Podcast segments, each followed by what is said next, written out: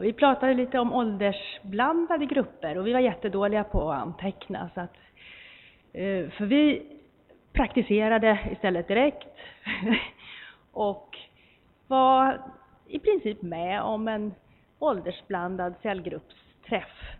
Och det var jätteintressant. Fick väldigt mycket tips på vad man kan göra med alla åldrar.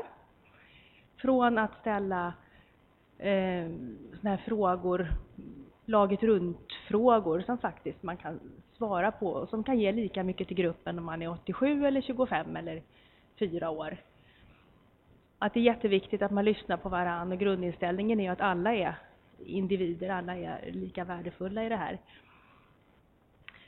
Och um, att det är viktigt också att göra konkreta saker, att kanske dela ett bröd eller sådana saker som man kan förstå i alla åldrar. Sen måste grundinställningen ju alltid vara en slags grundgenerositet. Allting funkar inte alltid och då gör inte det så himla mycket. Och det, det är nog viktigt, tror jag också.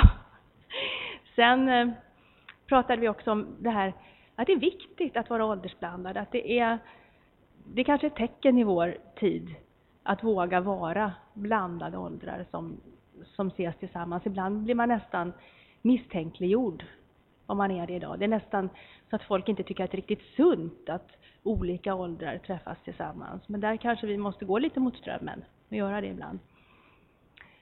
Och då var det många som också hade exempel på vad förebilder har betytt.